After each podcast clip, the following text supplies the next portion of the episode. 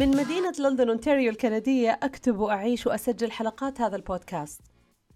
في كل حلقة تلاقي قصة فكرة أو مشاعر مريت فيها وحبيت أشاركها معك. بعد ما انتقلت لكندا حسيت أكثر بأهمية المجتمع أهمية الصداقات وأهمية الناس اللي تتعامل معهم كل يوم.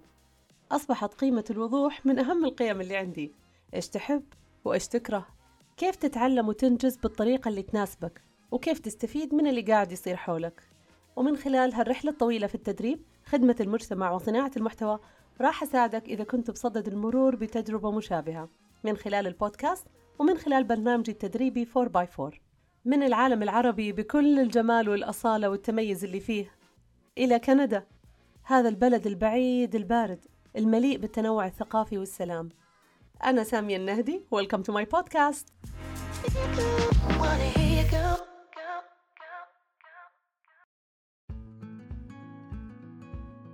أهلا أهلا أصدقائي كيفكم اليوم؟ حماس البدايات هذه الفكرة انطرحت مرة لما كنت أجاوب أحد الأسئلة مرة جاء سؤال من أحد المحبين قال كيف تحافظين على طاقتك ونشاطك؟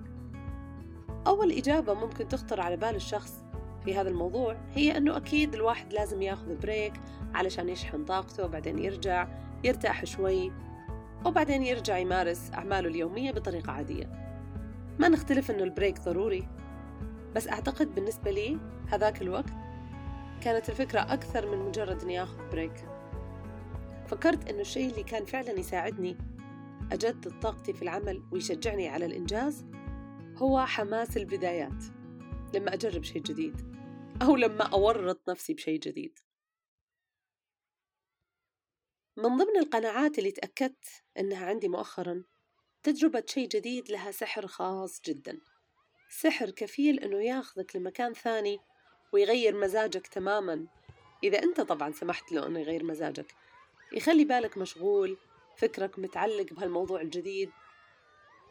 تفكر فيه نفس طريقة الطفل اللي مثلا يقولون له أهله في الويكند راح نروح البحر إحنا وأصحابنا. وال weekend لسه باقي عليه خمسة أيام مثلا. فيظل الطفل هذا يا عيني طول الأسبوع وهو يفكر بالموية وبالرمل وكيف إنه بيلعب وإيش ياخذ معاه لبس وأسئلة طبعا non-stop أسئلة. زي إيش حماس البدايات؟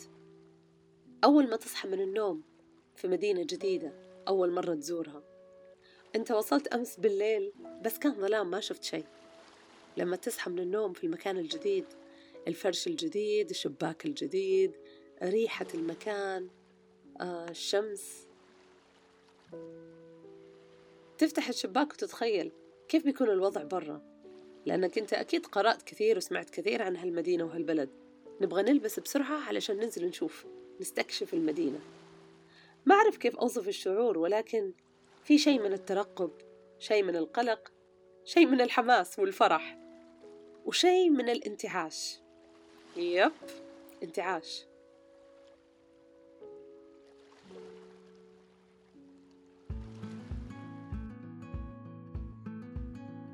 حماس البدايات ممكن يكون له علاقة بشيء عميق جدا أو جديد يكون أساسي في حياة الواحد major event. مثلا نقلة نوعية في عمل وظيفة جديدة بيت جديد سفر لمكان جديد. أو ممكن يكون شيء أقل عمقا يعني الطلبية. طلبت شيء أونلاين له قيمة خاصة عندك ومهتم فيه ومنتظر الطلبية توصل. ولما تيجي الطلبية يا سلام شعور الاكتشاف. أنا بهالمواقف ما أفتح ال packaging بهدوء ترى بحذر. الشيء في هذه المشاعر كلها إنها سريعة الزوال. تيجي بسرعة وتروح بسرعة. بعد ما دخلت الشقة الجديدة كم مرة وأنت فرحان في بيتك الجديد تحمل أثاث رايح وأثاث جاي ترتب وتغير أماكن الأشياء لأنك متحمس. It's my new place. ونفس الشيء لما تبدأ عمل جديد. تجلس قبلها بكم يوم تشوف الموقع في الجوجل ماب وين أوقف سيارتي؟ كم ياخذ المشوار من البيت؟ آه لازم أطلع بدري. آه طبعا الواحد ما يبغى يتأخر جديد. إيش ألبس أول يوم؟ كيف أتعامل مع الناس الموجودين؟ هل راح يكون الفريق مريح؟ ويا سلام لو تعرفت على شخص طيب وكذا مبتسم متعاون من أول يوم. على طول نفسيتك تكون بالسما. هذا أحسن مكان الواحد يشتغل فيه. وهذه رسالة يا جماعة. بالغوا في الترحيب بالناس الجدد. Make sure they feel welcomed. لا تموتون حماس البدايات. تمر الأيام وبعدها خلاص ريحة الأثاث الجديد تروح والتفاصيل الغامضة اللي بشغلك الجديد كلها توضح وصرت تفهم كل شيء وصرت تنتمي للمكان هذا. يبدأ يتسلل الروتين.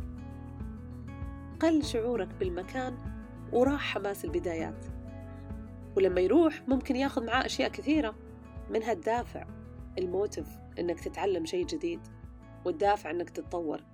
خلاص صرت أنت من أهل البيت وصرت تعرف الشركة ونظامها وما صار في مشكلة إذا تأخرت شوي. خلاص أنت فهمت الإدارة وفهمت النظام. ما صار في شيء يحمس. من ضمن الأشياء اللي تخلي الناس يفقدون الدافع العمل بالطريقة الروتينية يحصرهم بنوع من الأتمتة. يقوم كل يوم يعمل نفس الأشياء بنفس الطريقة. ولما يكون الشخص مرتاح في وضعه الحالي أي تجديد في أي جانب من جوانب الحياة أي عنصر إضافي أنت تضيفه في جدولك يربك توازن الأمور اللي عندك بالتالي لا خليني زي ما أنا أحسن ليش أبلش نفسي بمغامرات جديدة؟ بعض الناس يرفضون هذا الفرح يرفضون هذه التجربة بدون ما يعرفون السبب وبدون ما يسعون لمعالجة السبب. مرة كان لي حديث عرضي يعني مع شخص كان دائما يشتكي من الحياة مع أن أموره من وجهة نظري ميسرة جدا. وعنده كل أسباب الرضا. في نظري طبعا وهذا خطأ من جانبي ليش أفترض أنه هو المفروض راضي؟ ولكن اللي حصل يعني بوقتها هذا اللي كان في بالي. سألته قلت له يا أخي ليش أنت دايما زعلان؟ ليش دايما تنتقد ودايما ما أنت مبسوط؟ قال لي مدام سامية إحنا ما تربينا على الفرح ولا نعرف نفرح. حتى لو الفرح جاء لعندنا نرفضه. ما تتخيلون كلمته هذه كيف هزتني. خفت! كيف يعني؟ إيش ممكن يكون الشخص هذا واجه في حياته لدرجة إنه يوصل عنده الفرح ويرفضه؟ معناها لو الواحد فينا يقدر إنه يفرح يكون عنده التشويس المفروض يعتبر نفسه محظوظ ويقول اللهم لك الحمد حتى ترضى ولك الحمد إذا رضيت ولك الحمد بعد الرضا.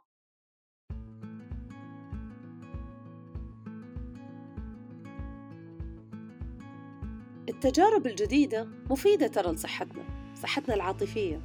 تعطينا جرعة من الدوبامين وتخلينا نحس إننا نكافئ الشعور هذا يحفزنا فكريا وعاطفيا وجسديا. فإذا الواحد قدر يحافظ على عادة إنه يجرب شيء جديد كل سنة أو كل ستة شهور أو كل ثلاثة شهور راح يعود نفسه إنه يكون أكثر انفتاحا. ويبدأ يقل الخوف لأنه غالبا الخوف يكون سبب أساسي إنه الناس ما تبغى تجرب أشياء جديدة. وخلال التجربة استمتع. عطي نفسك المجال إنك تستمتع. تخيل نفسك طفل. ضروري تبحث على هذا الشعور وتسعى لإيجاده متى ما احتجت. من الأشياء الجديدة اللي جربتها السنة اللي فاتت هي أني حضرت درس رسم زيتي. يسمونها هنا في كندا paint night فكرة اللقاء أنك تشتري تذكرة تروح تتعلم ترسم مع شخص رسام يعني زي المرسم ويكون المكان هذا آه، في متصل بمطعم أو قاعة في مطعم فتروح أنت ترسم وتتعشى basically المطعم كان يقدم أكل صيني على ما أذكر أو تايلندي مش نوع الأكل المفضل عندي ولكن قلت أروح وأشوف. رسمنا شجرة. أول ما تدخل القاعة تختار لك مكان تجلس فيه وفي الكانفاس تبع الرسم موزعة already وكل آه، مكان في عنده في قدامه الألوان وفرش الرسم وكل شيء.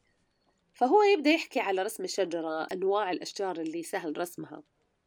وما يرسمها معك بطريقة عادية لا يبدأ معك بشكل غامض شوي. إنك تقسم الكانفاس لأربع أجزاء وبعدين تبدأ ترسم جذع الشجرة ويوريك كيف تلون كيف تظلل. It was fun experience. يعني أنا كنت جالسة أرسم معاهم وبالي مو معاهم أبدا. وبعدين فجأة خلصت الرسمة وأخذتها معي البيت وعلقتها في المطبخ. الشجرة من أول الأشياء اللي الأطفال يتعلمون يرسمونها بالمدارس صح؟ فكل شعب يرسم الشجرة اللي موجودة في أرضه. لو جبت الآن واحد كندي مثلا ما راح يرسم لك نخلة راح يرسم لك حيرسم لك شجرة اللي هي زي الأشجار موجودة عندهم هنا يمكن يرسم لك maple tree أو أو Christmas tree هذه الشجرة اللي متعودين عليها. إحنا لما كنا صغار أول شيء تعلمنا نرسم نخلة.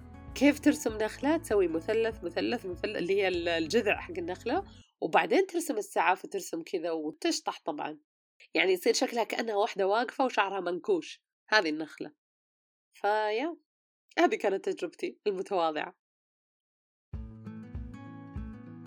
اقتراحي الأخير لك في حلقة اليوم. إذا كنت تفتقر للحافز يمكن يكون حان الوقت لإعادة ضبط إبداعك. بكل بساطة عن طريق تجربة شيء جديد مختلف. أو على الأقل ابدأ في تعلم شيء جديد ومو ضروري تكمله للآخر على فكرة. لا تحس نفسك تتورط. عطي قيمة أكبر للتجربة بحد ذاتها واستمتع. استمتع بالرحلة.